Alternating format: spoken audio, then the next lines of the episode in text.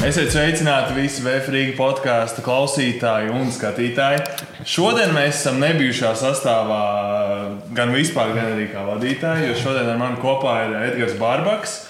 Vadīšu arī es, Rolands Mauriņš. Šodien gan Rudolf Kungrāns nav, bet galvenais, galvenais uzmanības centrā mums ir viesis. Un šodien pie mums ciemos ir Mareks Meijeris, Latvijas izlases viens no balstiem noteikti, un uh, Hapela Jeruzalemes spēlētājs. Čau, čau, čau. Sveiks, Marek, tikko no treniņa, vai ne? Jā, Kā treniņš? Šodien jau labāk mazliet. Man tas bija otrais treniņš, es tikai pirmdienu vakarā atlidoju, bet uh, šodien jau bija tīri labs treniņš. Un rīt, rīt jau dodamies. Kad, uh, kad ja mēs runājam par mājām, tad tavs mājas galvenokārt ir liepāja, vai ne? Jā. Liepājā tu esi dzimis, audzis un arī jaunatni izpaudījis Visi, Liepājā. visi, ne? visi liepājām. Uh, Vai tu bērnībā arī biji garākais Nē. komandā? Pastāstiet par savu uh, laiku jaunatnes līgā. Kā tev vispār tas ceļš sākās basīt Liepājā? Un, uh, Uh, nu, noteikti, mamma man aizsāka to visu. Viņa pati spēlēja universitātes komandā, Liepājas universitātes komandā. Uh, tad es tur pa zāli jau staigāt, tikko mācādams bumbas ripināju, notiek ko tādu. Bet, nu, tad, kā jau visiem parasti, septiņos gados aizved pie pirmā trenera. Uh, Nesen skatījos, jums viņa jau pieminēja vienreiz, jā, es otrais pieminēšu pie Induļa Možēka. Opa, okay.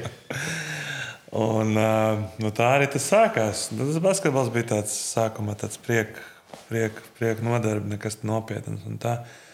Bet, bet aizved arī tāpēc, ka es biju viens no lielākajiem arī es līdz gadiem, kaut kādiem 12, 10, 12. bija diezgan, nu, neražants, bet pagara auguma. Bet tad es apstājos.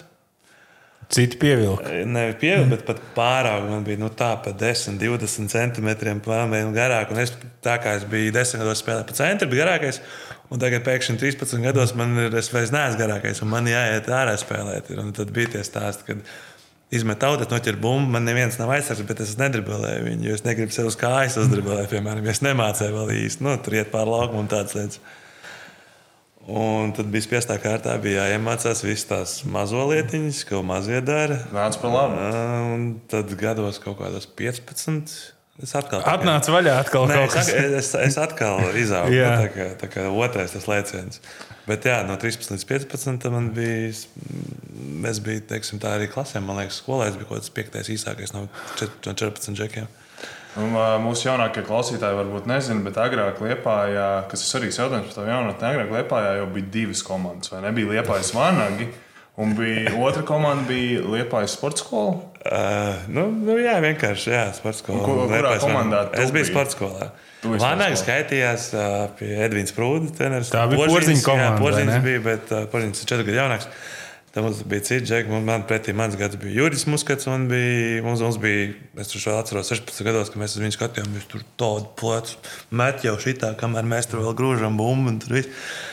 Viņiem bija, viņi bija fiziski spēcīgi. Es nezinu, vai tas bija vienkārši tā sagadījies, bet vai viņi bija tiešām tā trenēti. Nu, tajā jaunatnē viņi visi bija. baroja citādi. Jā, visi tie grobi, arī Dēnes tie gadi bija, bija, bija visi lieta, bija Monsevičs, Kazāks, Bebrišs, visi, visi, visi tādi jau uz 1,90 m pāri tajos gados mums bija. Tad, bet neko, bet jā, un tam mums bija vienmēr tie. Ne raivali, bet tā Tas saucamais sišanās. rivalries Jā, bija- bija bet- tāds, bet nu, tas bija bet tas bija vēlāk. jā. Bet tas bija vēlāk, jo viņi spēlēja, tad vēl bija liekas, pat trešā divīzija, ja nemaldos, vēl Latvijas jaunatnes līgā. Un to viņi, viņi tur vinēja, un tad viņi tur pa 60, tur viss sit, pa 100 sit un tam līdzīgi. Un tad viņi tika uz otro. Tad mēs tur vienā gadā apvienojāmies kaut kā, kad tas paliek, sāk palikt, laikam, nezinu. No abām pusēm kaut kā muļķīgi, kad, kad mums bērni tik, cik ir, un izlīgāt, mēs tur katrs savu pusi raujam, un tad beigās laikam apvi- apvienojam. Un, jā, tad, tā bija viens sports, ko beigās tikai. Nu, kā ar eh, tiem porziņiem tur sanāca? Pret, eh, tu saki, jā, Kristaps, eh, protams, jaunāks pret Jāni. Jānis savukārt bija. Nē, viņš jau ir daudz vecāks. Krietni vecāks, vai ne? vecāks. Mārtiņš, Mārtiņš arī mazliet vecāks. Mārtiņš ir ir sestais vai sestais varētu būt jāgads. Viņi arī ir vecāki, bet, bet, bet mēs tur, kā jau ir, kā jau jā, katrs gads ap to, nu, varbūt divu gadu vecais. pie- Es esmu ar Ati. Un tas tieši spēlē. prasīt, jā, vai, vai Jā, mēs esam, mēs esam, mēs tieši šodien treniņā runājām. Mēs esam, ja es pareizi tagad pateikšu, mēs esam pirmie rietumlīgas čempioni. Opa! Mēs uh, bijām, jā, tur mēs vēl tagad visu komandu nenosaukšu. Mēs šodien mēģinām atcerēties, kas bija komandā tieši. Bet jā, mēs esam Rietumlīgas čempioni ar viņu kopā. Un, jā, nu, pie vecākiem tad beigā, beigās pēdējā spēlē. Bet uh, tajā vecuma posmā, kad man bija tie gadi 14, tad tur es pat nebiju vēl tuvu komandas līderis. Biju tur 5. 4. džeks komandā. Nu, labi, bet, uh, bet tā tu aizkāpājies līdz pat lielajai komandai Lietpājā un, uh, un, un pat debitēji LBL 2009. un 2010. gada sezonā. Zīmīgi spēlēja kopā ar tagadējo Vēfrīgu treneru asistentu Jevgeniju Kosuškinu. Un komandā spēlēja arī Renārs, Renārs Zeltiņš, ja nemaldos, pirmajā gadā, kad tu biji. Nu, tas vēl, vēl, vēl vienu gadu pirms tam es biju vēl jaunāks. Bišķiņ. Bet, bet kādi bija tie pirmie iespaidi, nonākot nu, jau no jaunatnes basketbola pie, pie večiem? Ja godīgi, nu, man nekad nebija tā, tā, tā doma būt tam profesionālam basketbolistam, kas bija tur 10. klasē, vēl 11. klasē. Es vienmēr nu, tā, kaut ko mācīšos, es tur domāju, es gribēju uz arhitektiem iet, tur kaut ko, kaut ko tādu. Un kaut kādā 12. klasē tas palika maz, mazliet tā reālāk, jo viss no malas, un tas jau pārāk uzkrītoši likās. Nu, tur trenējās, tur ņemās, vai nu, tur bija liela komanda. 12. klase, kad. Nu, es, kad nu, tu... Jā, es arī pie lielās komandas jau tā, kaut kā vairāk biju kopā, bet man tā, tā tikšana, tā lielā komanda, tas bija vairāk tāds. Nu, pas traumas, mm. Tas nebija tāds mans pašmērķis, tur, tur tik iekšā. Man, tur, nu, tur Paralēli matemātikā. Man bija zīmēšana, ka man tur ņēma, man tur nav brīvs vakars, nu, kaut kas tāds. Bet, uh, ar laiku kaut kā to es, es pat netēju pieņēmu, bet uh, sapratu, ka tas, kas to var, un tas ir forši un iepatikās. Un, un, un, un, un, un tad jau arī pēc tam 12. klases bija tiešām jāiz, nu, jāsaprot, ko dara. Ja vēl uz Ameriku, es domāju, braukt vienā brīdī, tas arī atkrita. Tā kā ar mācīšanos kaut kur studēt? Jā, jā, jā, man jau bija būtībā viss papīrs, viss kabatā jau, jau, jau, jau tas, tas. Kur būtu braucis? Man vēl būtu prepskolas jāaiziet viens gads, tad tas papīrs man bija kabatā, ka es varu uz, nu, pēc tam tikai universitāti. Jo nesanāca man uz 12. klasi aizbraukt, jo tur man bija 18 kaut kādas veselības ķibeles. Vēl ar vienu nesaprastu, kas, tie, kas tieši neviens to nezina, bet labi. Mm. Aparātu visticamāk kaut ko nogriezti. nu, tā, nu, tā arī sanāk. Nu, es, nu, man nav izskaidrojumi, bet nu, labi. Un, uh, nu, jā, nu, pēc tam neatbraucu uz Ameriku ar, ar, arī. Un uh, paliku Lietpājā pēc vidusskolas to, to vienu gadu, kas ir No sērijas dzīvoja pie mammas un spēlēja profesionālu basketbolu. Bet, ja mēs runājam par tādu traumu, jā, tā basketbola, tad tā viņa tev bija diezgan spēcīga. Jo jau nākamajā sezonā tev bija gan ievērojama loma komandā, jau varētu tā teikt. Uh, Jo tā nākamā, tā, tā nākamā sezona, 10. un 11. gada sezona pie Liepājas, jums vispār bija ļoti laba sezona kopumā. Mēs šodien ar, ar, ar, ar Jevgeniju šī aprunājāmies, un viņš jau tā smejo, smejoties saka, nu Mareks man izkonkurēja pa lielu nu, tajā sezonā. Tā es varu tā, nu, tā sanāk, nu, ja tieši tās, tā fināla, nu labi, tur no, no sākuma jāsāk tās laikam. Tur tam taisa traumē, ko tu saki. Tur man vienkārši kaut kādā ziņā arī ar cilvēkiem apkārt mazliet nu, nepaveicās, bet nu, sastājās viss kaut kādās pareizajās lietās. Man Girts Kalniņš uh, palīdzēja atrast aģentūru. Uh -huh. uh, jo man bija bez aģentiem, teiksim, tajā brīdī. Uh, aģentūra man uztaisīja liepējā līgumu, kad man ir. Uh, minimāls spēles laiks, nu, teiksim, tā, ka man ir noteikti spēles laiks, kas man jāspēlē jāatrodas laukumā. Ja, ja nav noslēpums, cik tas bija? 20 minūtes. Okay, okay. Nav no, tik maz, jā. Statistikas tā arī ir. Skaties, jo sezonas sākumā man ir 3,0, 2,4. Nu, es domāju, ka galvenais, nu, tur tie mati, nezinu, vai bija, vai tad vairs nebija, bet tur vēl mazāk palika noteikti ar mani laukumā. Ar to arī bet, viņi beidzās. Bet, bet tā arī ir. Nu, kā, nu, es tajā sezonā nospēlēju tik, cik bieži vien viens 20 gadnieks trijās sezonās. Mm. Nu, es spiestā kārtā pat nu, diem tika iemests iekšā tajā saucamajā gaisa mašīnā un ņem spēlē. Labi, bet nevarētu teikt, ka spēlē slikti, jo es atradu statistiku. Nu, sezonas sākums bija tāds, kā bija. Okay, sezonas sākums, jā. Ar janvāru kaut kur sāk vērtēties. Tad, kad jūs sākāt arī kaut ko lielāku vinēt, kā piemēram Vēfu, nu, mēs tajā laikā jau arī bija liela komanda. Mēs vinē, vinējām bija... tikai playoffā. Jūs vinējāt arī regulārajā sezonā vienā mačā, kuras atradu, tev bija 19 punkti 23 minūtēs, starp citu, tajā mačā. À, tad viņš vairāk tev atļauj nospēlēt, nekā bija rakstīts līgumā, jo labi gāja. Tad tev pietika, jā. jā. Beigās izcīnījāt uzvaru mm. gan regulārajā sezonā, nu, nu jā, nu, nē, tā līnija bija diezgan, nu, nu teiksim, tā strauji uz augšu. Un tas, ko tu saki par to žēņas izkonkurēšanu, šito faktu gan atcerēšos, kad tajā finālā spēlē, nu, finālā spēlē, pusfinālā spēlē, tā laikam bija, pusfinālā spēlēs ar VF, trešā spēle arēnā, sanāk, man liekas, bija. Jā, tur, kur man bija tie, Arēnā? jā, tur, man bija tie septiņi danki eh, vienā spēlē. Tā ir tā Es- uzvarētā spēle. Nē, nē, nē. uzvarētā bija iepriekšējā pagarinājumā, Lietpā mēs vinējām. un Nākšā, tur, tur gan Butauts ir laikam nopietnāk paņēma, nu, pie, visas pie dziesmas ģērbtuvēs. Bet uh, es uzgāju laukumā 12 minūtēs. Es nosēdēju vispirms, 12 minūtēs uzgāju laukumā, man, un es nospēlēju 28. Nu, visu atlikušo spēli līdz galam. jā, jā. No manis žēņi. Nomainīgi viņu. nu, 12 minūtēs tā kā maiņa. Tā kā, nu, tā laikam skaitās visu konkurēšanu. Bet, Bet nu, nē, vispār, tas- priekš Liepājas, es teiktu, viena no labākajām sezonām vispār viņiem. Nu, šī varētu būt otra. Nu, š- Tā, tā, nu, tā bija tāda, nu, tāda, tāda ilga, nekas nebija bijis. Nu, mēs arī to bronzu izcīnījām. un Bija arī pēcsezonas pasākumi, bija trešā vieta, trīs dienas. Tā kā, tā kā Es gribēju, bija- es gribēju tieši pajautāt, vai palikusi kāda spilgta atmiņa no, vispār, no pusfināla sērijas pret F vai vispār no tās sezonas. Nu, tas, kā mēs atzīmējām, noteikti to trešo vietu, to bronzu. Nu, labi, bija jau var tagad izstāstīt, kā tad svinējāt. Nē, nu, tādos lielos vilcienos bija. Fonteins, pir- ne pir- Fonteins. Pirmais vakars bija ar visiem uh, tur kluba direktoriem, Artur Košļevu. Artur Košļevu, Edvins Strīks bija arī tad vēl klubā. Un, uh, vi, nu, visi ar, ar visiem stāviem. Bija tāds nu, zolīts. Mēs atbraucām mājās no sērijas. Ir pasākums. Pēc tam nākošajā dienā klubs bija mums. Tā bija tas Redsons Buffets, tas bārs, kas ir Liepājā. Viņš bija, viņš, viņš bija pilsētā. Tad vēl. Tagad viņi ir, man liekas, izvākušies pavisam ārā no iekštelpām kas bija centrā, bet tas bija jā, tā, uz pastīles, tāda mazā bruģēta iela ir Liepā. Jā. Tur bija mums klubs, klubs atmaksājis galdu, visu, visu. Nu, Nolicis viss pilns ar ēdamo, dzeramo, visu, ko vajag. Un trešajā dienā bija pirtiņa, pirtiņa olimpiskajā. Kurš vēl Ar- ar- dzīvs? Ar, ar, jā, ar, ar, ar, arī viss, viss organizēts. Tā kā ļoti augstā līmenī viss bija. Bet es domāju par to sezonu pa vidu, nu, tajā brīdī līdz tam, kad līkniet augšā.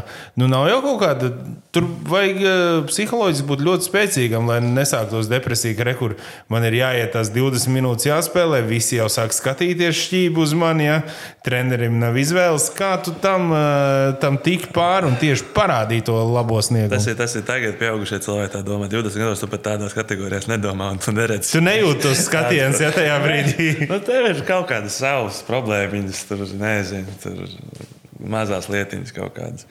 Pat dzīvu problēmas, nezinu. Un, un bieži vien pat neaizdomājās tādos lielos vilcienos, kas, kas notiek, cik tas ir nopietni, ko tu dari un tādas lietas. Tā es, es varētu arī, arī teikt, ka Dārgājs Galvanovskis ļoti palīdzēja ar to visu situāciju, teiksim, tā forši tikt galā un attīstīties. Viņš man, lai arī man tajā brīdī likās, ka tā kliēkšana viss tas ir pat raka un tam līdzīgi, bet viņš ļoti daudz iedeva man. Viņš pēc katras spēles man nāca stāstīt, kas bija tā, kas bija nepareizi, ko vajadzēja, ko nevajadzēja darīt, kā viņš domā un tam līdzīgi. Nu, teiksim, tā ļoti daudz iedeva arī kā, kā profesionālais treneris. Un uh, līgums beidzās tajā brīdī ar uh, trešās vietas visu izcīnīšanu. ja? sezonu man bija tāds līmenis, kas arī visu sezonu varēja, man liekas, ā, jebkurā brīdī kaut kur braukt, ja man kaut kas ir. Jā, līgums izklausās, bija ļoti labs. tev Nu, tāds noslēgts, atvērtais. Tā kā, nu, jā, nu, bet arī Lietpājai tas bija teiksim, tā, tajā ziņā. Apusē izdevīgi. Nu, bet it sevišķi tāpēc, ka es esmu liepainieks. Un viņiem, nu, viņi it kā parāda arī no, sa- no savas puses, ka viņiem arī viņi, viņi var pacelt to, to savēju. Arī. Nu, es esmu tāds kā, nezinu, neizkārtnīts sanācis, bet, nu, kad, Nu, kur vēl labāk? Ka tev nav nekur jābrauc, jo, nu, redz, porziņš aizbrauc uz cik gados uz Spāniju projām un tam līdzīgi. Un, un, un, un arī mans gads viens aizbrauc ā, uz, uz Rīgas pols spēlēt jau uz vidusskolu jaunatnes komandās. Un, ā, un Liepājā varēja, nu, tas bija, tas, es biju tas, tas, tas, kas tiek caur to Liepājas sistēmu cauri, kas, kas nu, Jurēvičs vēl Marīgs bija caur Liepājas sistēmu pilnībā, laikam, gājis cauri. Nu, ot, tāda, nu, es, es teiktu, ka laba sezona tev, un tad tu izdomāji doties uz Spāniju. Tev bija kaut kāds, varbūt tas ir, nezinu, tā bija tava vēlme doties tieši uz Spāniju, vai kā tas notika? Jo, nu, Bija, sezona, gan, bija U20 čempionāts tajā vasarā. Agris Galvenais bija arī galvenais treneris tajā komandai. un Mēs spēlējām ceturdaļfinālā, man liekas, pret Spāniju. Mirotičs bija komandā, Sastra bija komandā. Mirotičs visā čempionā, met 30 punktus vidēji. Un tad pēc mums viņš iemet, nu es viņu sēdzu, mums pēc tam viņš iemet laikam 12. Viss pat man liekas, ar astoņiem sometiem vai kaut kas tāds. Un mēs zaudējām pēdējās minūtēs. Mēs visi spēlē bijām ļoti, ļoti, ļoti cieši. Un pēdējās minūtēs, un es to spēli nospēlēju slikti uzbrukumā. 4 no 17 metieniem man bija. Un man paņēma Spānijā mans, tās komandas asistenta treneris. Mm -hmm. ja viņš pēc tam man teica, ja, ja, ja, es būtu, ja viņš teica, ka viss bija, ja es būtu trāpījis kaut kāds trīs minūtes vairāk, viņi būtu zaudējuši no sērijas. Un ka viņi visu to potenciālu kaut, kaut ko tur redzēja, un arī man piedāvāja braukt. Un tad bija tā, ka nu, es neteiktu bail, bet nu, tāds, tāds nezināšana bija braukt prom, bet arī, kā es teicu, pareizi cilvēki varbūt no malas bija, kas kā, nu, iedrošināja to braukšanu projām. Vai tu viens brauci? Vispār viens pats vai, vai es biju. Draudzene, man bija draudzene tajā brīdī. Tas, protams, apgrūtināja braukšanu projām. Es ticamāk, ka to, to lēmumu ir ceļš 20 gados, ka to tā visa emociju līmenī ļoti daudz. Bet uh, es izdomāju, ka es aizbraucu. Un pēc tam viņa draudzene pievienojās uz otras sezonas pusi. Pēc sezonas pirmā puses, jā, es biju viens. Bet man nav, man, nu, es neesmu no tiem, kam bija grūti tur vienam pašam. Adaptēties un tam līdzīgi. Nezinu, nebija tāds grūts. Es, nu, es esmu dzirdējis to stāstu, ka tur citi tur, nezinu, jūtas nost pirmos mēnešus, kad viss ir savādāk. Nē, tā, tā. Bet es ar laikam tāpēc, ka es dzīvoju kopā ar amerikāņu spēlētāju. Tā, Man, tā, kā, tā, kā kopnīca, nu, tā bija Spānijas otrā līnija. No. Nē, nē, dzīvoklis. Vienkārši mums bija četras dzīvoklis, katram divas istabas kopēji virtuvē. Nu, tā, tā, mēram. Bet viņš jau bija pieredzējušāks. Viņam bija jau tajā brīdī 26 vai 7 gadi kaut kas tāds. Šeit Slavāls varbūt ir dzirdēts. Mācīja pagatavot jau šo to vairāk. Jā, nu, apmēram. Bet uh, angļu valodu ļoti man iemācīja pēc tam. Cik gadi spāņu valodu iemācījās? Pirmos divus gadus no trijiem gan es neko neiemācījos, jo treniņi notika angļu valodā, dzīvoju ar amerikāņu. Nu, tā, trešajā gadā bija spiestā kārtā. Un, reku, tagad tu vari iespējams saprast arī to, to situāciju, kas mums šeit Latvijā ir par valodu visiem. Ja? Ka tu aizej uz veikalu, ar tevi runā krieviski. Ja tu jā, aizej jā. uz, uz skolu agrāk, ja tev runā krieviski, tev, kur tad tu viņu iemācīsies? Jā, tā, nu, labi, visam pamatā tomēr ir tā gribēšana. Nu, es nesaku, es neiemācījos. Es kaut, kaut ko mācīju tādās veikalā un, un, un restorānā, tur tādas lietas. Jā. Tas, kad es tā brīvi runāju, nevarēju. Bet, bet tagad jau. Spāniski, spāniski nu jau ir desmit gadi pagājuši. Vajag atkal sezonu. Nē, es atceros, Marks, pirmajā gadā, kad es personīgi atnācu uz Marks, diezgan, es teiktu, ļoti labi runāja. Nu, mums bija Gili, Robio, Hakansons mācējis, Pāfrādi bija. Mums bija Pako vēl kaut ko no tā, ne bija gadu vēlāk.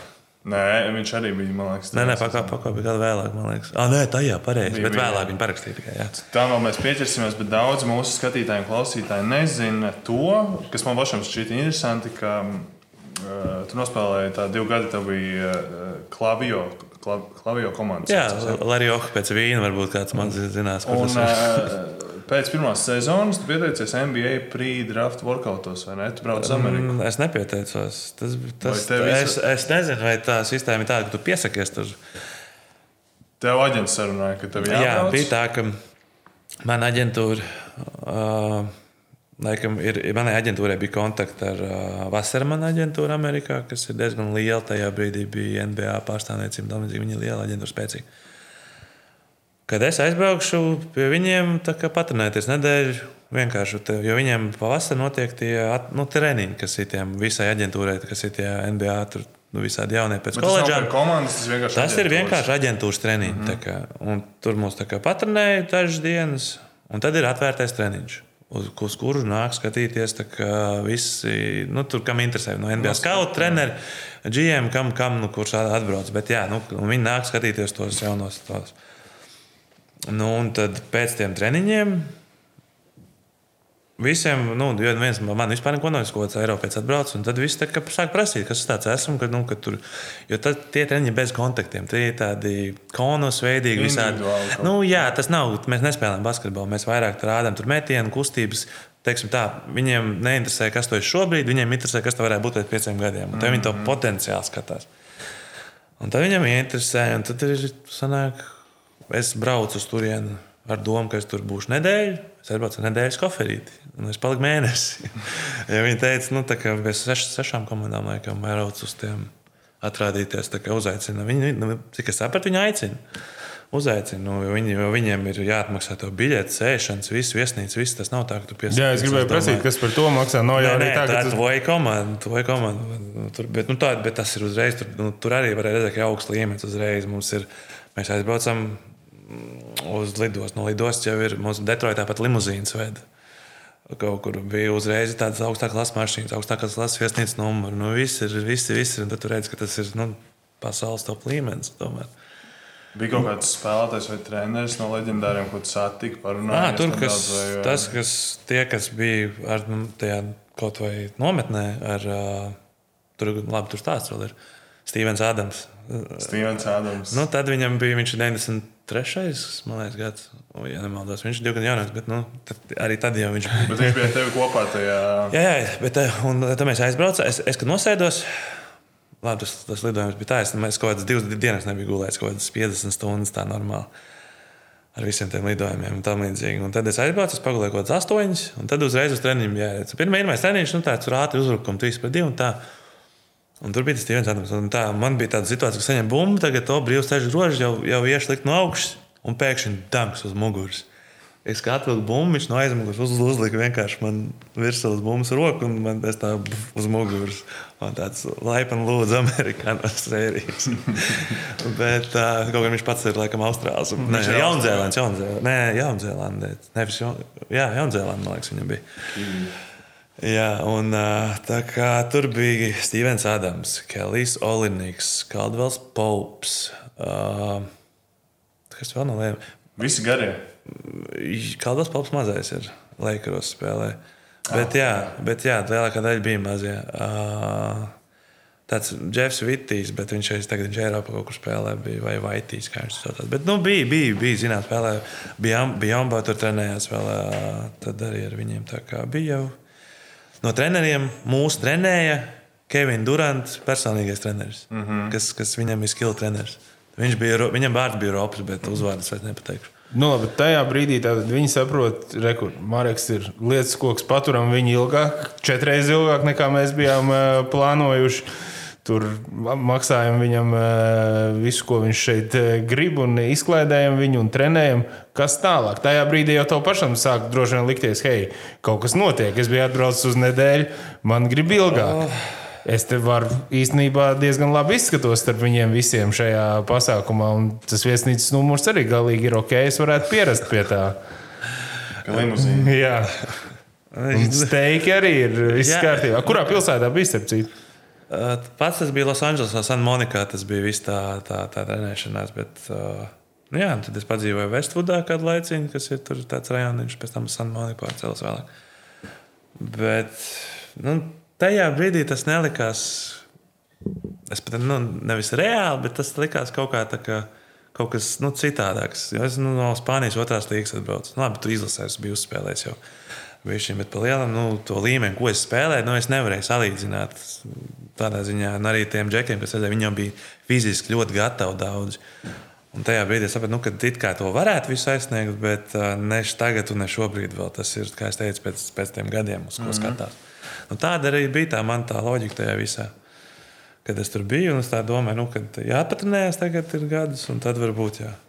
Nu jā, un tāpēc uh, NBA prīdraftā atgriezies atpakaļ Klavijā vēl vienu sezonu, un pēc tam uzrāda, mm. nu, Klavijā tur divas sezonas no 11 līdz 13. Jā, bet es pēc Klavijā, man liekas, biju Amerikā. Ah, okay. Pirms Fona Bradas. Man ir man jā, jāatšķiro savu faktu. Vai nu man ir, vai nu man atmiņas ir jau sagriežušās. bet, bet jā, pēc tam nāk iekšā Fona Brada, un vai dabū izbaudīt, kas ir ACB basketbols tajā laikā? Jā. Jā. Arī leciens, jebkurā gadījumā, nu, NBA, kā varbūt likās. Jā, bet vasarā. man teiksim, tā viss izskatījās. Sezonas sākumā izskatījās viss daudz labāk nekā tas viss izvērtās. Es spēlēju kaut kādas pārbaudas spēles, pat normāli spēlēju, pat kaut ko metu. Nu, nu, tie, teiksim, tā arī pašam likās, ka tie ir labi, visi, visi iet. Un tad, kad sākās sezona, tad es nespēlēju. Tā bija komandā veterāns ACB Endijs Pankops ar to pozīciju, kas spēlēja tuvu 40 minūtēm, un tur, mēs, tur man vairs vieta diži neatradās. Un, un, un galvenais treneris ir šobrīd Madrides galvenais treneris. Okay. Čils Mateo. Un tad tev pussezonu izīrēja uz Burgos. Uh, jā, Nu, tās, tā bija vairāk gan man paša iniciatīva. Gribēju spēlēt, jā. Jā, jo bija moments, kad es sešas spēles pēc kārtas nespēlēju. Sešas spēles ACB, tās ir sešas nedēļas. Tā kā, tā kā es piegāju, un smieklīgs atgad, nu, neatgadījums, bet pēc tam sešām nedēļām vai pa vidu kaut kur tam nedēļām, uz otru pusi jau varbūt piektā un ceturtā nedēļa. Teneris tā kā nu, pasauc parunāties. Un viņš man saka, "Ā, tu neuztraucies. Kā, nu, tu viss dari labi, tu labi trenējies, viss ok. Tu neesi vainīgs, ka nespēlē. Es tev vienkārši nevaru atrast nu, vietu. Un es nezinu, ko ar to informāciju darīt. Nu, tā man, man, man tas neko nedod. Nu, es labāk nejūtos no tā no sērijas. Tu saki, es varu pats atrast, ir tas veterāns, ko varētu pamainīt. Ja? Saka, nevar. Viņam līgums noslēgts tā, ka man viņam jādod 3-5 katrā spēlē. Nē, nu, nu, Forma brāļi ir, tur ir tas spiediens, viņiem ir nu, tā organizācija tāda interesanta. Es domāju, ka tam treneriem arī nebija viegli. Tas spiediens bija, jo viņi nebija uzvarošāki. Mēs nebijām, man liekas, uzvaroša komanda, bet uh, viņi gribēja to. Viņi, viņi parakst labāk dažus, bet dārgākus un labus spēlētājus, kas spēlē ilgi. Nevis vairākus un vienlīdzīgākus, kas mainās, mm. piemēram. Tā kā tāda bija tā sezona, un tad, jā, un tad kā sešas nedēļas nosēdēja ārā un uh, Tas devies sāk, uz sāk, Burgos. sāk zvanīt aģentiem. Nu, kā varbūt kaut kas ir kaut ko, tad atbrauc atpakaļ, soli, pussolīt, pussolīt atpakaļ, jo viņi bija stiprākā komanda. Nu, otrā Jā. stiprākā, jo mēs vinējām caur playoffiem. Jo, jo skatītāji, varbūt tie, kas nezina, tā ir tā pati Burgos, kas uh, izcīnīja tikko. Champions League titulu. Tikai tad vēl viņi bija otrajā līgā, bet reku Manakas. Paldies Dievam, paldies Burgosai, pa- palīdzēja viņiem tikt uz ACB. jau, Nu, jau atpakaļ. un tad jau, tad jau, un tagad jau atpakaļ. Jā. Bet ok, un tagad par interesantu. Un pēc tās sezonas tu nonāci VF Rīgā, redzes lokā. Tu atceries, kā tu nonāci VF-ņā. Tu, tu biji pavadījis Spānijā vairākus gadus. un Tad, nu, kāds ceļš atveda tevi līdz VF-am? Bijis Amerikā. Zvana aģents, saka, klausies, Bija par tas moments, Latviju. kad manā manā, manā fonā brālis bija 2 plus 2. Mm -hmm. Un man bija tas otrs gads, kad bija atkal pie viņiem jābrauc. tā kā. Un es nebiju tā, ka man tā pēcgarša palika ļoti nekāda. Viņa arī ar maksāšanu nebija pārāk uh, uzcītīga, teiksim tā, bet nu, ar viņu ar to ir mazliet slavena. Tā kā gribējās kaut ko citu. Un tad, kā tieši tas, tas VF piedāvājums, es vairs neatceros, nāca. Viņš bija diezgan agri, ja nemaldos. Mēs, ah, nē, nē, es vēl, man liekas, kad rakstīju, kamēr es vēl biju izlasē, sākumā, tad jūlijā kaut kad es parakstīju, man liekas, VF, ticamāk.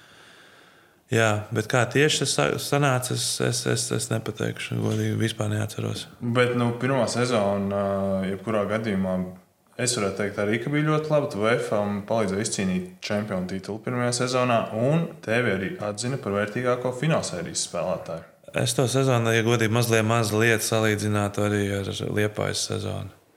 Kaut kādā ziņā atbraucot uz Liepāju, es nezinu, vai nu es atkal, man viss bija uz Liepāju, uz Latviju. Uh, viss kļuva ērti, un es kaut kā apakaļ kaut kādā bišķi komforta zonā un uh, nosēdos. Un tā jau pirmā sezonas puse man nebija laba. Nu, pēc sajūtām, varbūt statistikas, nezinu. Bet pēc sajūtām, ka nu, man nes, nespēlēja, man nesanāca tas, ko es gribu, un tam līdzīgi. Tā otrā sezonas puse jau bija vislabāk. Bet sezona bija forša. Tādā ziņā izcīnījām čempionu titulu. Uh, Tīmijāns bija komandā, Zaķis bija komandā. Tajā bija daudz, bija daudz labu latviešu. nebija bija pareizi, jā, bija, bija tas tā. It sevišķi tā, līga. tāpēc varbūt tā sezonas pirmā puse bija man tik. Pēc sajūtām grūti, jo es esmu tas, tas spēlētājs, kam vajag a- adaptēties komandai un adaptēties ā, tai spēlē, ko, ko tā komanda spēlē. Un es nepaņemšu bumbu, un tagad es nesākšu tagad kaut ko izdomāt pats. Un, ā, ar Eiropas, VTB un Latvijas līgu visticamāk mums nebija treniņi. Un mēs nevarējām, un es nevarēju atrast var- varbūt to savu vietu līdz galam. Un tad, kad Eiropas mums beidzās Eiropas, otrā sezonas puse, tad, tad, tad Iegāja varbūt ritmā. tas, tas tāds mans varbūt mazliet skaidrojums, kāpēc tā sajūta tagad tāda. Un ejot tālāk, lai cik pirmā sezona varētu būt laba, nākamajā sezonā VFM nomainās treneris, atnāks spāņu speciālists Karls Frāde. Un Rolands? Mauriņš. Es arī komandēt. Vēsturisks gads.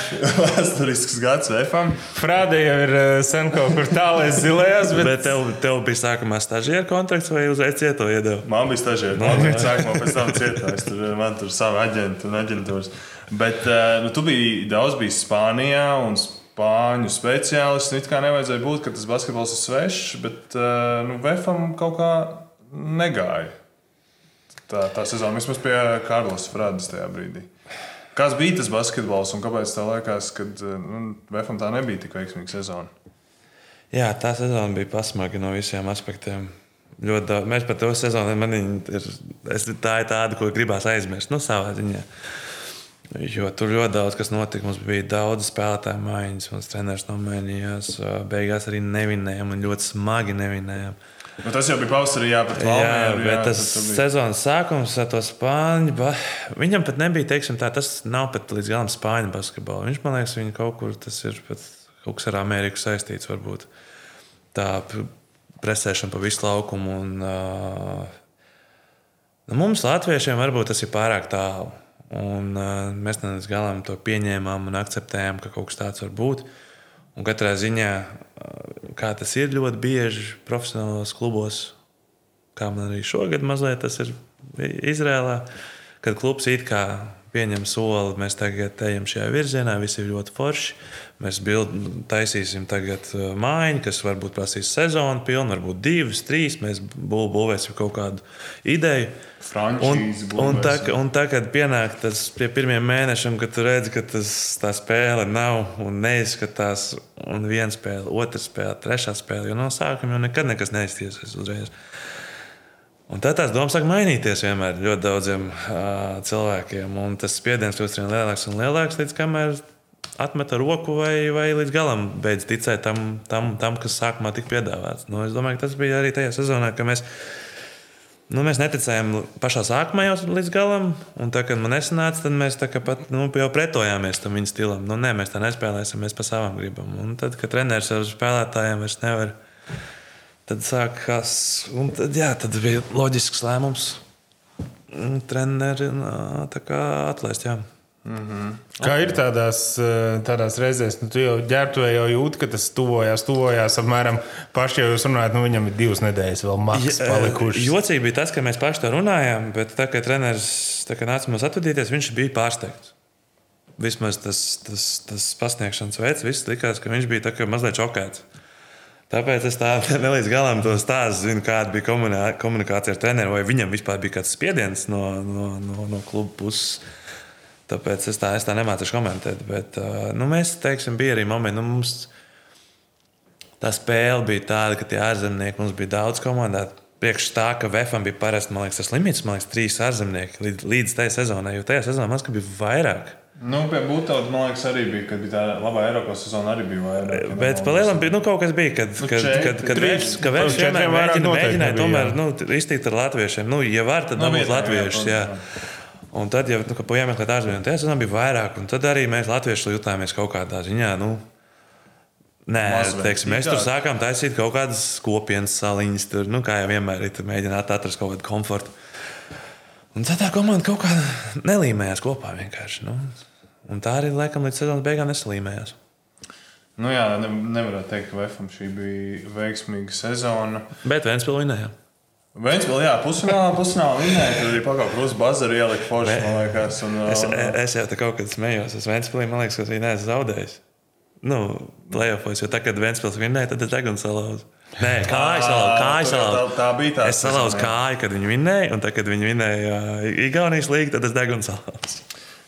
Nu, nepārāk veiksmīga sezona, un tad eh, tālāk tā karjeras ved tevi uz Franciju, uz Elanšu šalonu. Es pats, nu, piemēram, e- es, mēs pašam VFā, kad esam organizējuši vienmēr braucienus eh, uz, uz Franciju, mums vienmēr bijušas problēmas vai ar ēšanu, vai kaut kā organizatoriski. Ar kādiem pārbaudījumiem tu, piemēram, Francijā saskāries? Jo tā arī nevarētu teikt, ka bija veiksmīga sezona, jo pussezonā tā kā pārnāca uz VF. Nu, tur atkal tas, tas tāds, kas gribēja spēlēt. Jo viņi vinēja Francijas čempionu tajā gadā. Jā, viņi bija čempioni. Tā kā, nu, bet Sakalu spēlēja ap, ap kaut kādām 10 līdz 15 minūtēm. Nu, tā bija tā mana loma, jo viņiem bija tiešām ļoti spēcīgi trīs spēlētāji komandā. Un kas spēlēja labi, tas par spēlētājiem, par to organizāciju. Viss bija teiksim, tā, ļoti labi. Viņiem, kad es ierados klubā, ka mums bija pirmā diena, kad viss tā kā satiekās, bija kaut kādi 30 cilvēki. Tajā ģērbtuvē stāvēja tur čūpiņā. Viņš saka, reku mūsu klubs, saku, kādā ziņā. Visi darbinieki, nu, kas strādā tā kā oficiālā. Tam bija tāds, wow, vairāk nekā spēlētāji, vairāk nekā viss. Tā viņiem ir kaut kādi 30 jābūt. Tur viens atbild, tur bez mazāk katram ir savs algas, kas pārstāv kaut kādu. Tur ir kaut kāda mārketinga, kaut kāda tāda. Un 30 cilvēkus iepazīstināja katrs vārdu uzvārdu. Un, labi, es viņu pēc tam, pēc tam es viņus nevienreiz neredzēju, protams, sezonā, bet ar visiem iepazīstināju. Tā, ka, nu, mēģināju to kaut kādu patērēt, to ģimeniskāku pasākumu, bet organizētības ziņā, tāpēc es tā, tā nevaru teikt, ka kaut kas tur bija slikti vai, vai, vai, vai mums būtu kaut kādas problēmas bijušas. Man, man, man vairāk problēmas bija tieši ar basketbolu sadaļu, kad, kad akāli teiksim, tā neizturēja. Plus, protams, bija. Vēfs ļoti, viņiem arī Vēfam ļoti vajadzēja ar to numuru tajā brīdī. Vēfs arī bija ļoti uzstājīgs. Un, Vēfs nāk īstajā laikā. Vēfs bija ļoti uzstājīgs. Un pat cik man vēl pēc, pēc tās sezonas bija plānots kāzas, tad, tad, tad, tad, tad viss sakrita tā. Jā, tad kaut kā tas lēmums likās. Pārāk, pārāk vilinoši, lai piekrāmē pilnu mašīnu ar šampanieti un jau dodies laicīgi uz Rīgā. Jā, pārāk, pārāk vilinoši, lai, lai, lai nebrauktu un izvērtās tas sezona īstenībā. Nu, man, tā, man, tas, man tas brīdis, tas laiks VFā ļoti patika, kas bija no, ja es nemaldos, es atbraucu kaut kāds, jā, nē, nē pirms Ziemassvētkiem, decembra beigas, man liekas, kaut kad līdz, līdz, līdz, līdz čempionu titulam bija ļoti forši. Nu jā, tad vispār tev divu pusi sezonas, tad sanāca vēl VFā. Nu, tā pussezona un tad jā, vēl divas jā. sezonas. Un, nu, kopā ar VFU droši vien daudz un patīkams atmiņas, jo kopā ir izcīnīti trīs Latvijas čempionu tituli. Pēc tā, pēc tā titula es atceros, intervējot kaut kur Aināru Bagāts, un es viņam prasu, nu, kas tad, kas VFam iedeva to priekšrocību. Viņš saka, Marks Meijers ir tas čempionu tituls atslēga tajā reizē. Tie bija nu, viņa vārdi. Nu, jā. tā komanda bija labi uzbūvēta. Mums beigās tajā finālā sanāca. Nu, mums bija liels trešais numurs Arnēs Labotskas, mums bija Blūms komandā, mums bija Mārtiņš Mēnesis komandā. Nu, tur saspēlnieks, kas bija gadījis labs, bija Kristofers Ričards labs. Un, nu, tur bija grūti Pat slikti spēlē, teiksim, tā, jo visi uz blūmu lec pat trīs, četriem cilvēkiem virsū. Bieži viņš tikai kaut kā pamet uz vienu pusi. Un tur jau mēs pārējie izdomājam, kā iemest. Jo, jo, jo, nu, mēs varbūt sezonas laikā nespēlējām tik labi. Jo Vēnspēlī zaudējām abas reizes, man liekas, to spēli.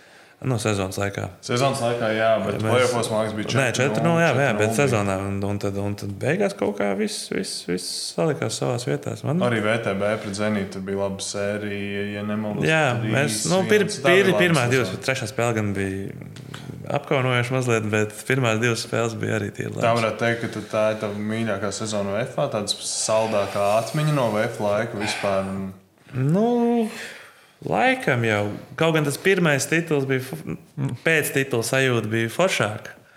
Un, un, un tādā atmiņā varbūt tieši tā vasara palikušāka, kad arī nu, man cilvēki apkārt, kas ir draugi un amīdzīgi, tas likās kaut kas wow. Pēc tam jau tā kaut kā mazāk, nezinu, vai, nu, vai nu mēs izaugām, pieaugušāk kļuvām.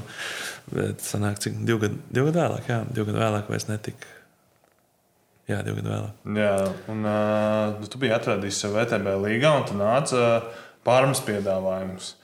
Varbūt tās pastāstīja mūsu klausītājiem, skatītājiem par dzīvi Krievijā, konkrēti pārmā, cik, cik gluži augsti var palikt ziemā un kā ir ar sadzīvi. Mūsu ja, jaunākajiem klausītājiem noteikti nesaprast, ja? bet, bet viss izskatās tā, ka Latvijā 98. gadā no sērijas. nu, nu, tā, arī, tā arī izskatās. Viss ir dominējoša krāsa, pelēkā, kā ir putekļa krāsa kaut kur ārā, un, un sniegs ir arī ziemā, viņš ir pelēcīgs. Un, un, un, bet, sajot, nu, Bet tu jūti to, ka tā valsts ir milzīga. Tiešām atrodas nu, nu, pāri jau ir kaut kur vidū. Nē, nu, tas, ka nē, nu, pāri ir tur no Maskavas divas stundas lidojums pa labi. Pirms urāliem, teiksim tā. Bet, diezgan. diezgan, jā. Tā ir ikdienas dzīve. Nu, teiksim, tā, tur viņi ļoti, tie līmeņi pilsētā bija ļoti. Ir, ir vietas, kur ir restorāni vai, vai, vai, vai, vai, vai veikali, kas ir tādam nu, augstākajam līmenim, nu, ne augstākam, bet nu, augšējam līmenim, tad ir tāds mierīgais, un tad ir pats apakšējais. Un to pašu apakšējo līmeni, protams, kad ir grūti izbaudīt, jo tam mums ir jāiet uz, uz tirgus ēstājiem, uz tām stolovai ēģīnām, kas viņiem tur ir ļoti daudz un visādā. Nu, tām, Un, tur, protams, mēs basketbola spēlētāji nu, neuztaramies tādās vietās, un, un, un to, to, nu, to rītī nevar izbaudīt. Tur Krievijas, Krievija, to dziļo Krieviju, bet, bet, bet tur, ja to augšējā līmenī, tad ir, tad ir labi. Bet tas vidējais līmenis ir tas, kas tas, tas ikdienas cilvēks dzīvo. Jā, tas ir mūsu 98. gads Latvijā. Nu, tāds, tāds, tāds nav lielveikalu, viss ir tādi saspiesti, maziņš, tie ir tur pārdot, tagad tirgus variants mazliet. Tagad, kad es braucu projām, sāk būvēt viņiem lielu veikalu, vēl visu kaut ko. Un arī viena iemesla dēļ pilsētā palika 300 gadi. Un Sanāk 23. gadā, man liekas. Un ģērbs galvenais brauks ciemos. Jā, brauks apciemot. Tā tad, vajag, tad ir jāatrāda, protams, vajag kaut ko parādīt. Jā. Jā. Kā bija vispār tā prombraukšana tajā brīdī? Kas, kā tas notika? Tīri praktiski. Uh, sanāk, kad es aizvakar atlidoju, vakar, vakar dabūju mans no Krievijas. Jā, varbūt tas var pastāstīt vairāk par to pēdējo sezonu, pārmāmu, kā, kā tas viss, kad, nu, kad nu, sākās. Nu, traki, nu, protams, ka traki. Nesen, nesen man arī bija intervija. Man prasīja, nu, kad atcerās, nu, tāds haoss galvā. Nu, tur nu, tu nesaproti īsti, ko domā. Nu, ir kā liekas, ka karš ir, nu, ka visi nu, jābrauc projām. Bet tas tu izlasīji ziņās. Es biju Latvijā, bija, izla, bija izlase. Ā, tu biji es, es biju Latvijā, Latvijā, un paldies Dievam, te. Bet atpakaļ neaizbrauc. Apakaļ es neaizbraucu. Mm Mhm. -hmm. un, uh, tās pirmās domas ir, ka, nu, ka nē, nu, ka viss nebrauks. un tā. Tad es pazvanu dže- džekiem, tur lietuviešu. Nu, tagad es saku, nu, es visticamāk, ka nebraucu atpakaļ. Nu, tur tas nav normāli. Tā. Kā nebrauc? Bet tas jau kas ir kaut kur tur, jau nu, tur lejā. Mēs jau esam kaut kur prom. Un viņš to un, un, un, un, un, tas spēlētājs uz to skatās vairāk kā uz tādu nu, konkrētu apdraudējumu sev pašam, nevis uz kaut kādu politisko, cik tas ir pareizi, nepareizi vai, vai, vai humāniem apsvērumiem. Un tad mēs, es tā kā tā domāju, nu, pagaidi, nu, it kā jā, kā šī tur projām, un tā, bet tad kā, nu, pagaidi, nu, nē, nu, un, un tās domas šaudās šurp, turp, šurp, turp. To vienu dienu bija, mēs, mums bija spēle Beļģijā, man liekas, nākamajā dienā. 25. mēs spēlējām, 24. sākās, ja nemaldos. Un tad bija arī to spēles maz spēlēja. Un, uh, galvenais treneris man arī teica, bankī, nu, kad man sejā rakstīts, ka es neesmu šeit. Nu, kad, ka viņš man tur nelaida daudz, un tā, kad, kad man es tur vairāk domāju par tām lietām, kas, kas, kas, notiek, kas notiks, kā, ko. Bet jā, un tad Kā atbrauc- klubs. Ja tu viņiem piezvani, saka, es nebraukšu. Ko viņi saka? No sākuma, kāpēc? Es saku, jūs, nu, jūs, jūs, jūs esat kara apstākļos. Kā kara apstākļos? Mums ir speciāla operācija, apmēram no šitos ten sākam. tā- Bet savā ziņā klubs uh, bija, es pat teiktu, pār- pārsteidzoši saprotošs. Un varbūt tas par, par cik, kad visi mēs visi seši ārzemnieki devās projām, arī Baltkrievs, Parahauskas aizbrauca. Ko, nu, bet es domāju, ka viņš būtu palicis viņam, bet viņam sieva ir polieta. Mm -hmm. Un tur ir viss. Tur nav variantu viņam nebraukt vairāk. Un, uh, Amerikānis aizbrauca Hills projām, mēs visi tā kā aizbraucām projām. Un nekādas sankcijas klubs neko nedēļu. Es pieļauju, ja būtu tur Uniks vai kur ir kaut kāds viens, kaut kāds miljonārs pie, pie, pie, gal, nu, pie galvenais, tad, jā, tad varbūt tur kaut kādas sankcijas mēģināt. Bet viņi jau neko nevar izdarīt. Nu, teiksim tā, Cevišķi man, ja esi, neesam jau tur uz vietas, nu, ko viņi man. Tas mans nedod. Nu, mans, nu, labi, mans ir mans. Nu, Kas ir tā mantā? Jā, nu, tev vajadzēja sarunāt kādu, kas Nu, es sarunāju reku menedžeru. Jā, viņš pēc gada bet atsūtīja. tas bet komandas menedžers. Tas ir. Nu, Tas. Pastāst, pastāst. Es nezinu, tev arī ir tāds, tāds, tāds knifiņš, ka tagad beidzās sezona, ka tev gribi pilnīgi iet tos ārzemnieku dzīvokļus, pieņemt viņus aiz, un tad mums paliek kaut kas vērtīgs. Nu, nē, ir interesanti, ir redzēts viss kaut kas, jā, bet uh, pārsvarā jau nē. Nu, mums, jau, mums ir citas, mums, es, te, es teikšu, tā, es nezinu, kā bija ziedu laikos, bet uh, tev liekas, ka es biju šī citas algas, un tomēr nu, jā. nekas tāds. Nu. Nu, jā, nu, mums bija tā, ka viņš uzreiz piesakās, tur visu palīdzēs, visu aizvedīs. Nekas, tu tik, tik laipns bet Pagaidiet, menedžers. tad jau sanāk, ka tu aizbrauc uz izlasi, un tad tev viss dzīvoklis iztīrīts vienkārši. Nē, nē, ir tā, ka man, nu kā, es ar visām atslēgām esmu aizbraucis. Man pat neviens atslēgas nav. Tad es zvanu, teicu, jo dzīvo, nē, dzīvoklis īrēja pats Krievijā. Ah, Tā ok. kā caur SSL es atrodu, tur ir aplikācija, tā kā to mēs Bet viņi piemaksā pie līguma vai kā tas notiek? Viņi iedod, nu, labi, tur atkal apakaļ stāsts ir. No, no pirmā, pirmā, ātri, pirmā, pirmajā sezonā viņi mums tā dod dzīvokļus, bet mēs visi paņēmām ļoti dārgus dzīvokļus. Tad viņi nākamā sezonā iedod mums vienkārši 800 dolārus. Meklējiet pašu, ko gribat. Dārgi, lēti un tā. Un tad mēs paši meklējam dzīvokļus. Pirmā par 800 dolāriem gan jau ka var ok. Jā, noīrēt, vai jā, jā. Uh, tagad es sāku domāt.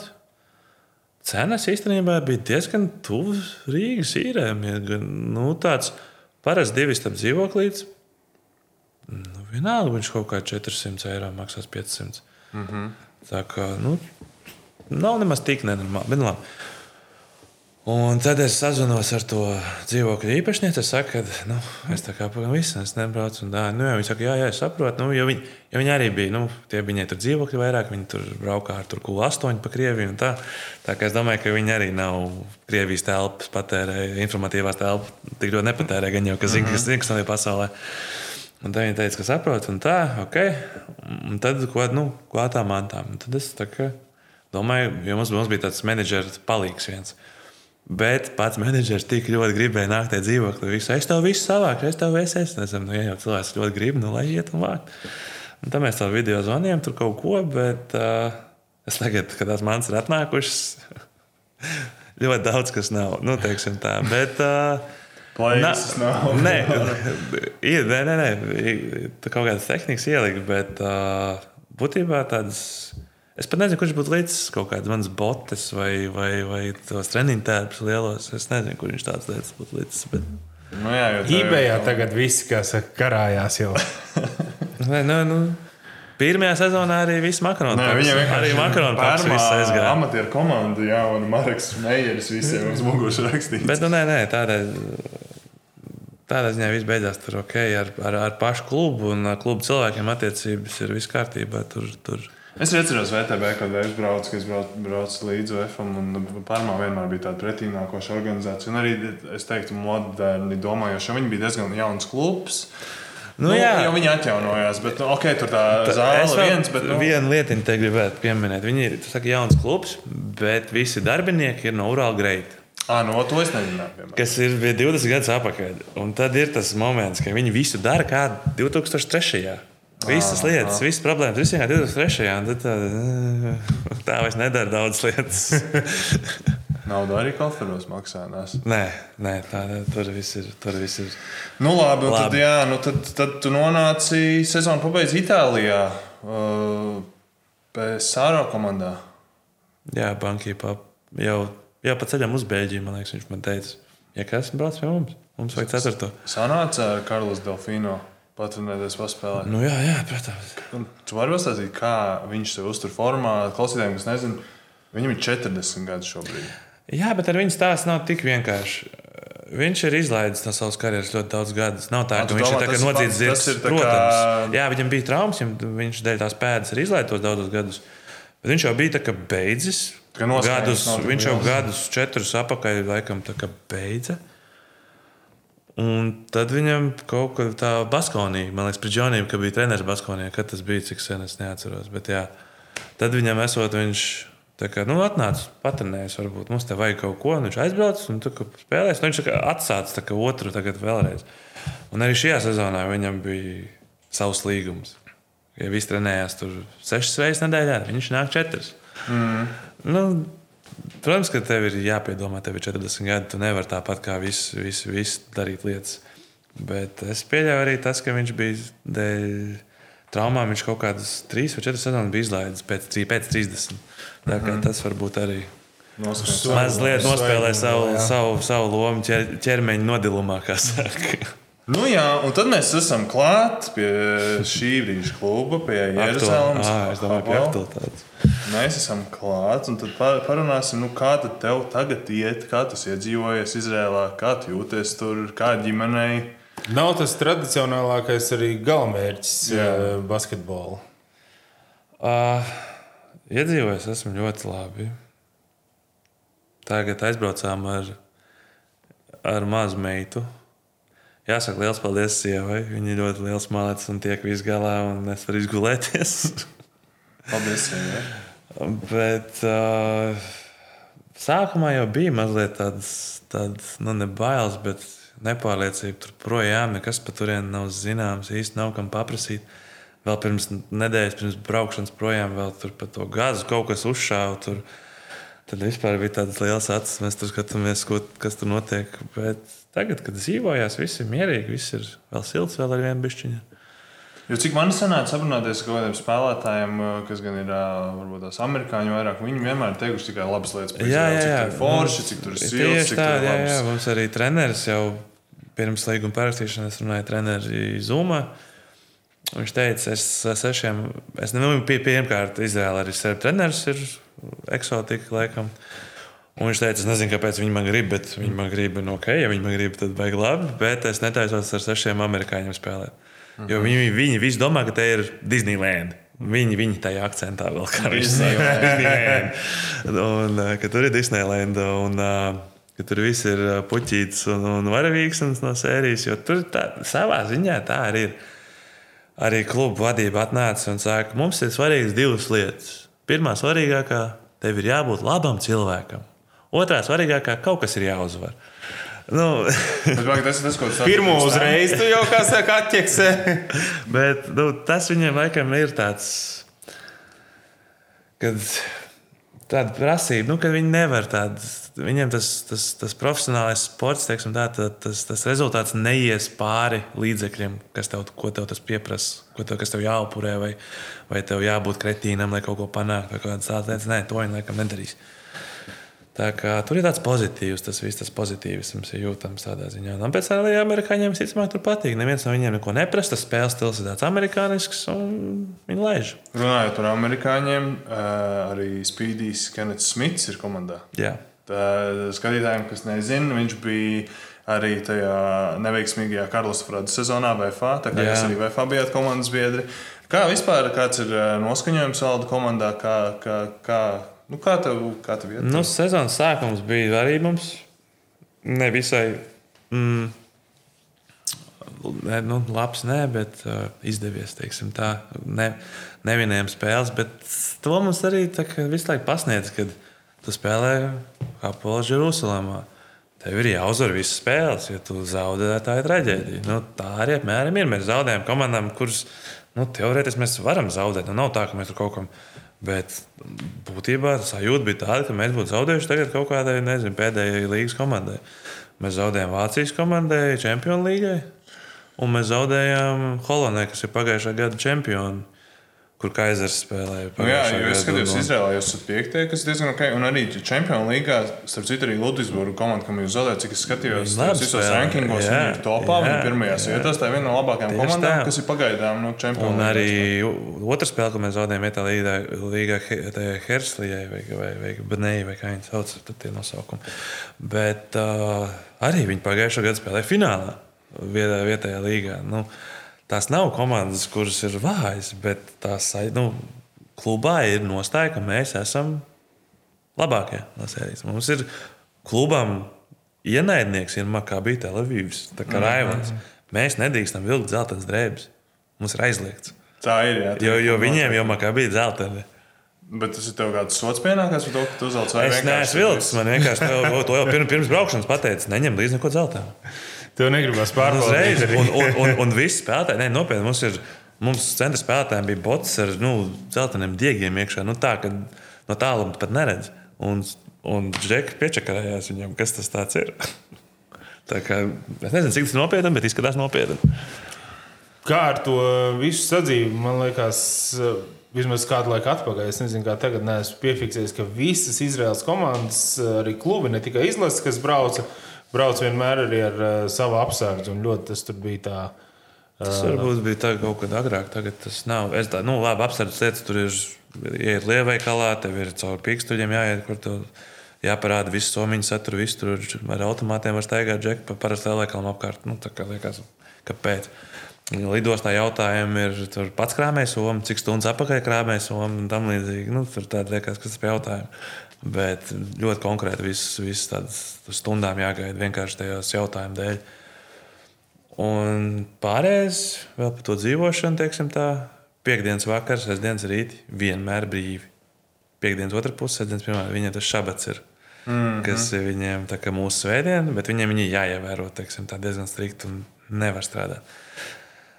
Un tie, kas ir ticīgie, Jeruzalemē, laikam, ir ticīgākā pilsēta, ja nemaldos, Izrēlā. Un tur ļoti daudz, būt, ļoti jā. daudz ir tie uh, uh, jūdaisms saucās. Uh, viņi nevar lietot elektrību arī tajā laikā.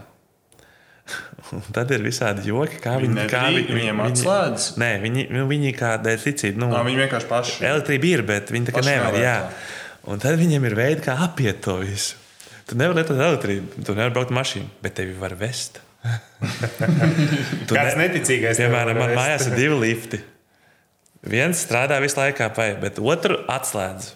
Nu, viņš nestrādā. Mm. Bet viņš iet stāv pa stāvu, katrā stāvā līdz augšai un attaisās katrā vaļā. Pēc tam šī tālējā. Ja kādam ir kaut kas smags, tomēr jānes. Nu, viņš var tur iemukt iekšā un uzbraukt uz to savu stāvu. Jo viņš pats ilgi- nav nospiedis, Jā, viņš ne? neko nav spiedzis, viņš neko nav darījis. Viņš vienkārši tā kā. Nu, tur tā ir interesanti. Ir, ir, ir, nu, es nebiju tādā. Es par to neko nezināju pirms tam. teiksim Tā. Un tagad ir to visu redzēt un piedzīvot. Ir arī interesanti un daudz ko iemācīties. Var jaunu. Un Kā, kā, kā ir? Un, viņ, un viņiem šobrīd ir 5300 kaut kāds gads. Septembrī beigās nosvinējām jauno gadu. Viņi nākotnē. Bet, uh, Vairāks no Varbūt tās mums pēc 3000 gadiem arī tā būs šeit Latvijā. Bet uh, par basketbolu varbūt tās vairāk. Kā, nu, kā, tas, kā vispār basketbols apmierina, ko komanda spēlē, vai tas tev ir piemērots, vai, tev, Man vai jūties labi. Vai tev vispār liekas tas visaptvarošs jautājums un nekonkrēts, vai tu šobrīd spēlē savu labāko basketbolu? liekas? Nē, tā, man, es spēlēju labāko basketbolu spēlēju maijā. Ja tad es esmu visu sezonu mēģinājis pielāgoties. Tas es- ir raksturīgi, tad es jā. esmu pielāgojies. Bet, uh, man ir tas, ka, ja es būtu aizbraucis uz vienkārši pagājušā gada kapels, nu es tur nevarētu uzspēlēt. Vai, vai šobrīd uz jebkuru citu komandu, kas tur ir, nu es to nevarētu uzspēlēt. Bet pats cik ir serbi treneris, un viņš man arī aicināja ar tādu domu, ka tur nebūs tas standarta Izraels basketbols. Tad uh, man ir vieglāk šobrīd. Mēs to, mēs to trenējam, mēs to mēģinām panākt. Tā mēs mm. spēlējam to Eiropas basketbolu, kur ir vairāk piespēles, mazāk dribbles un mazliet gudrāk spēlēt. Nevajag to varbūt arī tik fiziski spēlēt, ja tu vari dot piespēli, piespēli un iemest bez, bez kontakta vai kaut kas tāds.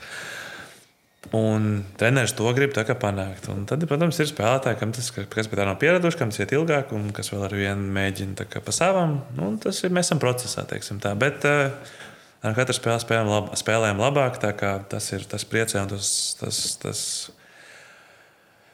dod pārliecību, ka varētu būt arī vēl labāk pēc dažiem mēnešiem arī man pašam. Cik tev ilgi līgums ir ar viņiem? Viens un plus vēl viens. Ja viņiem, mums, mums gan aiz visiem ir viens plus viens. Ja viņiem patiks, kas tas sanāks par šito gadu, tad viņi var paturēt lielāko daļu komandas. Pavasarī. Nu, savā jā. ziņā, jā. Nu, bet, kā jau teicu, šajās komandās ļoti bieži ir tā, kur tās ekspektācijas ir. ka Jā, jāuzvar pilnīgi viss, un kaut ko neuzvar. Var mainīties ļoti ātri kaut kas. Nu, mēs noteikti vēlamies veiksmi Hapelī Arizonā uzvarēt visus, izņemot, ja mums uh, Krustosies, krustot ceļš ar VF, piemēram, Champions League, kas nenotiek tagad, bet nu, varbūt tur Final Four vai nu, tālāk. Vai top 16 var sanākt? Es neesmu skatījies. Nē, mums bet, plēns būs. Nu, plēnā jau. Ja mēs paliekam otrajā, un, un, un, un, un, ja, ir ja, ir tā, ka, tad- ja ir tā, kā šobrīd ir standings, tad mēs esam plēnā viens pret otru. Ah, nu, tad, sorry, tad mēs nevēlamies veiksmi. Tad nevēlamies veiksmi plēnā. Jā, Bet tagad- vai arī nu, tev jācer, ka mēs būsim otrie. Mēs arī pirmie varam būt tā, kā viss ir kārtībā. Nu, jā, cerēsim, ka tad pirmā. Bet nu, tad, tagad par ak aktuālo saldēsēdi daudziem klausītājiem. Vēl aktuālāk Latvijas par- izlase. Latvijas izlase. Parunāsim par Latvijas izlasi. Es vispār gribēju sākt ar jautājumu. Nu, tu debitēji uh, Latvijas izlasē, ja nemaldos, pirmais Eiropas, kas tev bija 11. gadā. Uh, Vai ir mainījies tas, ar kādām sajūtām tu brauc pārstāvēt izlasi? Kāds bija agrāk un kāds ir tagad? Uh, tā, kā lai to formulē. Sajūtas basketbola ziņā, jā. Es vairāk zinu basīt, es neesmu tik uztraucies tieši basketbola ziņā. Spēlēt, nu, neesmu tik jauns, teiksim, tā nepieredzējis. Bet sajūta ziņā pret uh, izlasi kā tādu nē. Jo viņi nav tik bieži. Mm. viņi ir, tagad viņi ir vēl jau mazāk. Ja tā, tā, tā vēl bija reizes gadā, bija tie tā sešu nedēļu sagatavošanās posms un čempionu turnīrs uh, Eiropas katru otro gadu bija. Un vēl kvalifikacija. Nu, tur bija tie posmi gari visu vasaru. un tad Bija, nu, tagad viņš ir īsāks, koncentrētāks. Tas viss ļoti bieži tie logi, nedēļa, nedēļa. Es tieši Kā gribēju pajautāt, patīk? Jā, tieši gribēju pajautāt, kāda Laikam logi. Nu, skatītājiem, un, un skatītājiem būs labāk nelogi. Kaut gan ir viss caur gadu, ir viss, bet tas ir kvalitīvāks basketbols, ir, ja nav logi. Ja mēs gatavojamies, protams, sešas Nu, nedēļas. arī labāk ir, ka nav katra, katrs, katra, katra, es, nezinu, vai tev, ja tev, spēlētājs atbrauc tikai oktobrī. Un viņam ir pēc tam fiziskās bedres, un nezinu, kas, ja, ja viņš sagatavo viņu uz nedēļu, jo, nu, nezinu, kā klubs Nu, domas dalās, jā, Jā, tāpēc tāpēc, tāpēc, tavu bet, bet uh, runājot par to, skatītājiem no, noteikti patikt kvalitatīvāks basīts, kad visi saka, ka tagad Eiropas čempioni visi ir savāds labākos, visi sagatavojās un iet spēlēt ar labākajiem spēkiem, un, un viss ir normāli. Logi, jā, cauri gadu. It, kā ir tur ik pa laikam kaut kas notiek, bet uh, nu, nav tas kvalitāte. Nu, jo tagad arī mēs ar cik mums ir viens, man, man personīgi būs sanāk trīs treniņu un spēle. Nu, cik var paspēt, nu, labi, mēs tie paši džeki esam un tā, bet, ja kaut kas mainās, tev ir jauns, tur viens komandas biedrs, cits komandas biedrs, viens netiek kaut Nu, kas. Tas ir atkal cits jautājums, uz ko tu esi uzvedinājis mani. Jo Latvijas izlases galvenais treneris Luka Banki ir izteicies, ka mūsu izlases spēles modelis nemainās no tā, kāda spēlētāji ir ieradušies. Bet vai tu kā spēlētājs jūti atšķirību laukumā? Piemēram, nu, kad ir Porziņš un Bērtāns, un tad viņi nav. Protams, kad uh, mēs spēlējam viens tās pašas sadarbības, teiksim, Nu, tā, un tā doma uzbrukumam aizsardzībām ir viena tā pati loģiski. Bet tu nekad nedabūsi vienu to pašu izpild- izpildījumu. Nu, nekad tas nav iespējams. Tev ir citādāk spēlēt. Nu, kad bija porziņas, nu, kurš tad mums tagad tos 30 punktus metīs? Nu, nu, nu, nu, mēs it kā to pašu spēlēsim. Nu, tā, tā it kā var, var teikt, jā, ka mēs spēlējam tāpat, bet spēlētāji tā ir citi bieži vien. Un, uh, tas gala rezultāts, tas izpildījums ir savādāks. Un pie viņa ir jāpierod. Nu, viens ir, kad es tagad ir, es Rihardu Lomažu varbūt zinu, katru reizi, kad viņš metīs pa grozu, es jau divus driblus pirms viņš ir izmetis, es zinu, ka viņš metīs. Un tagad nāks iekšā jaunā paudze, piemēram, spēlēs, kas ir mums, kas Roberts Bērziņš arī ir vienmēr. un Es nezinu, vēl, ko viņš darīs, it nemazam. Tā kā jāpierod, un tas prasa treniņus bieži vien. Kuru nav šobrīd? Nu, Bet viņi nav visiem. Vien, Jā, jā. nu, viņi nav visām komandām. Tāpēc, uh, bet tur zūd tā kvalitāte, tas ir par ko es runāju. Nu, kvalitāte tādā spēles ziņā, jā, no otras puses, nu, izlase jau ir tāds, tāda spēle, kur tu viņu vairāk ar emocijām skaties. Tev jau ir Protams. svarīgi, lai tā Nu, jā. Tava izlase uzvar un pat tā spēle aizmirsīsies, paliks tā uzvaras. eh, Jā, piekrīt. piekrīt. Es, ja, ja, ja to tā skatās, tad jā. Bet tik daudz spēlētājiem eh, mainoties, kādas, eh, kādas ir pašiem spēlētājiem pēc tam sajūtas, nu, būs kaut kāds, tagad gan arī ir, ir tik daudz, kas būs pielikuši roku ceļā uz pasaules kausa. Neteiksim, hop, pirms eh, vēl tas nav izdarīts, vai ne? Tieši tā. Bet eh, pēc tam, un trenerim tad ir jāsaliek jau. eh, Tas sastāvs pēc tam izvēloties atkal no labākajiem. Nu, kāda ir sajūta tiem, kas ir varbūt pat ļoti daudz darījuši un, mm. un palīdzējuši? Un pēc tam tev pasaka, sorry, bet te ir Džeks, kas nu, viņš netika objektīvu iemeslu dēļ tur uz tām spēlēm. Bet tagad mēs viņu ņemsim uz to. A, Kas teica, ka dzīve ir godīga? nu, nē, nu, trenerim, es domāju, tādā ziņā ir ā, diezgan liels, nu, neiekšs, bet uh, viņš var pateikt, ka nē, tu nebrauks un viss. Jo tas, kas notika arī tagad, īstenībā, augustā logā, pirms sezonas, kad ir arī es, piemēram, biju. Uh, kurš varēja būt arī nu, liekais, tik labi, jo bija Šmits, bija Bērtāns, pa četru pozīciju. Nu, nav vairs vietas, nav mezīgi. Bet viņš nepaņēma tajā 15. 12 spēlētājs un 3 jaunos, nu, kuram vienalga. Viņš arī tos trīs, kas palika liekie, viņi ir reāli spēlētāji, kandidāti, nu, kam, kas klubos spēlē lomas. Viņš nebaidās viņus paņemt un atsēdināt malā un nespēlēt. Jo pēc tam tev jāskaidrojas klubā, taču, es, kāpēc tu izlasē, tu nespēlēji. Tas nav baigā ērta pozīcija. Bet treneris tā kā arī to dara. Tāpēc es domāju, ka viņam nebūs beigās problēmas izlemt. Viņš vienkārši pieies pie tā, kas viņam viņa zīmējumā, tajā vai tajā situācijā būs vairāk vajadzīgs, vai kurš izstāsta labāks. Var, varbūt viņš pat klubu līmenī spēlē daudz labāk, tas spēlētājs. Bet treneris var pateikt, sorry, mums vajag to spēlētāju. Bet no 12 spēlētāja puses tu saproti, ka okay, uh, tā ir valsts izlase, tomēr nevis kas privāts uh, kaut kāds pasākums. Protams, ka to nesapratīs. Tā to Nesapratīs tā tā, nekad, jā? nu, Tu vari teikt, ka tu saproti, un, un, un, un vari intervijā stāstīt, jā, taču tā ir izlase. Nu, tas, protams, tas ir sāpīgi. Tas vienmēr ir sāpīgi. Tagad ir, man ir liela Lietuvā bija Adams Juškevičs, komandas biedrs. Viņš piecas reizes ir uh, pateicis viņam tieši pirms 12. paldies. Viņš ir ļoti labs spēlētājs. Bet, un, un, un tad beigās tā, tā jau tāds nu, sāpes pret izlasi. Jau tu vairs negribi to sajūtu. Viņš vairs nebrauc uz tagad, uz beigās. Piemēram. Viņam, labi, viņam pietiekami daudz iemeslu, tur ģimene un tā, un tā, bet viņš vairs negrib to sajūtu. Viņš, viņš paprasta trenerim, tu man ņems jau uz, uz, uz uh, Olimpiskajām vai, vai kas tur uz pasaules kausa. Treneris pasakā, es nevaru apsolīt, un tad es nebraucu. Ja viņš negrib to sajūtu, es piedzīvotu. Tā kā, Un tas nav, savukārt nu, no tas nav nekas eh, patīkams. re, kur eh, pasaka ko tādu, piemēram, eh, presē, ka spēlētājs uzstāda ultimātu, vai nu tu man ņem vai neņem. nu, ja? prot, nu, Un viņi noēda vienkārši visu tur eh, komentāros, bail būtu palasīt, kāds tas vispār ir. Bet tāpat laikā viņš ir četras reizes jau atbraucis pēc tam, kad viņi nogriez arī vēl tajā piektajā atbrauc. Un vienalga pateica, Nu, tas paldies. vienmēr ir sāpīgi. Protams, ka viens ir tas, ko, ko tu ar to dari. Vai tu taisi uh, problēmas, tur presē vai kaut ko tur tagad sāc izteikties neforši tam līdzīgi, vai tu reāli racionāli vari pieiet pie lietām un saprast, nu, kas ir kas. Nu, Tāds ir šobrīd modelis. Nu, es nebiju pietiekami labs. Nu, Pārējai vairāk labāk sev parādīt. Vai, nu.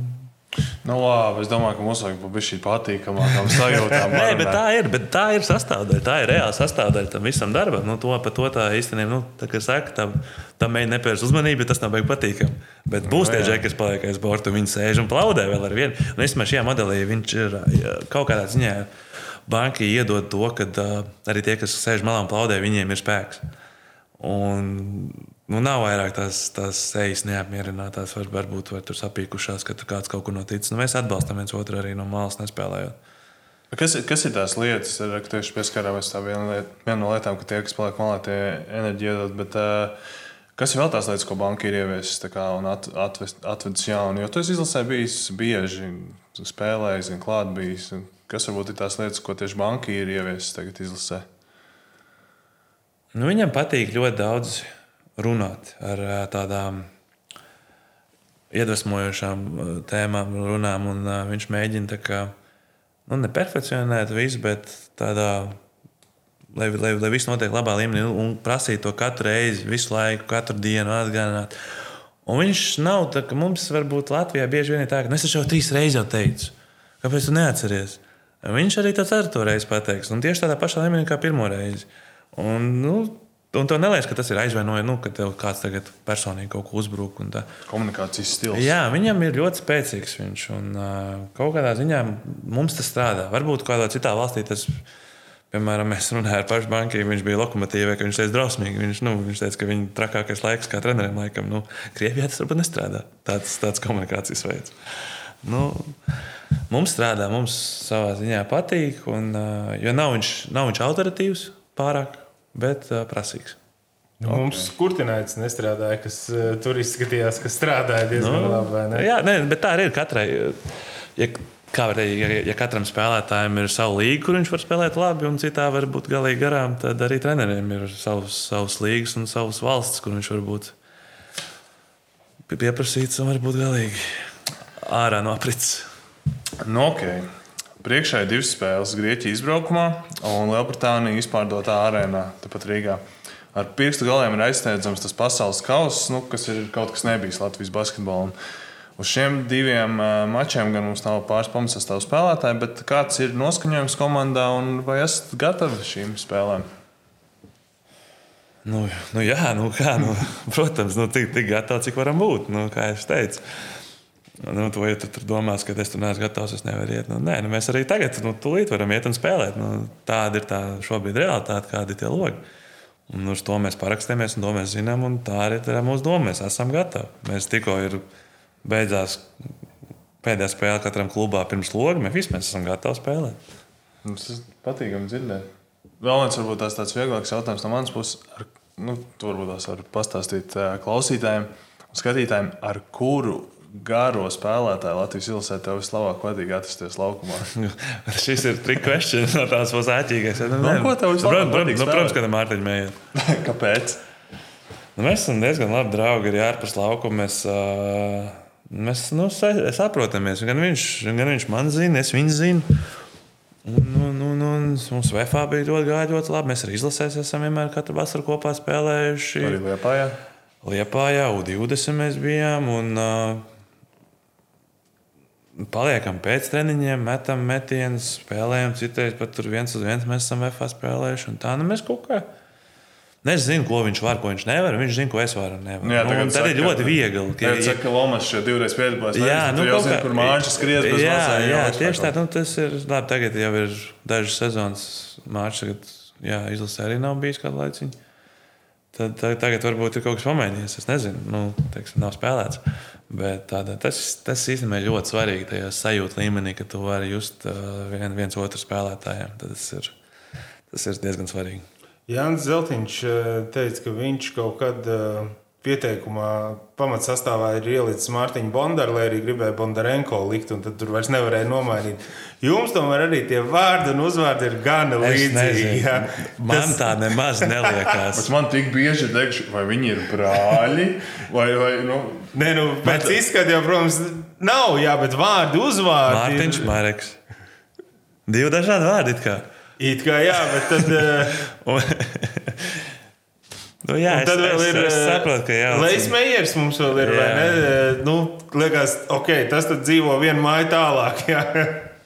Nav bijušas kaut kādas tādas. Uh, Mēs domājam, ka mēs ar VF kaut kādā brālēna konkursā piedalījāmies. Tur ar metām metienu. Bija, vienreiz spēlē, bija brāļu konkurss, un jā. mūs pieteica kā brālēni. nu, labi, tas smieklīgi mazliet, bet nu labi.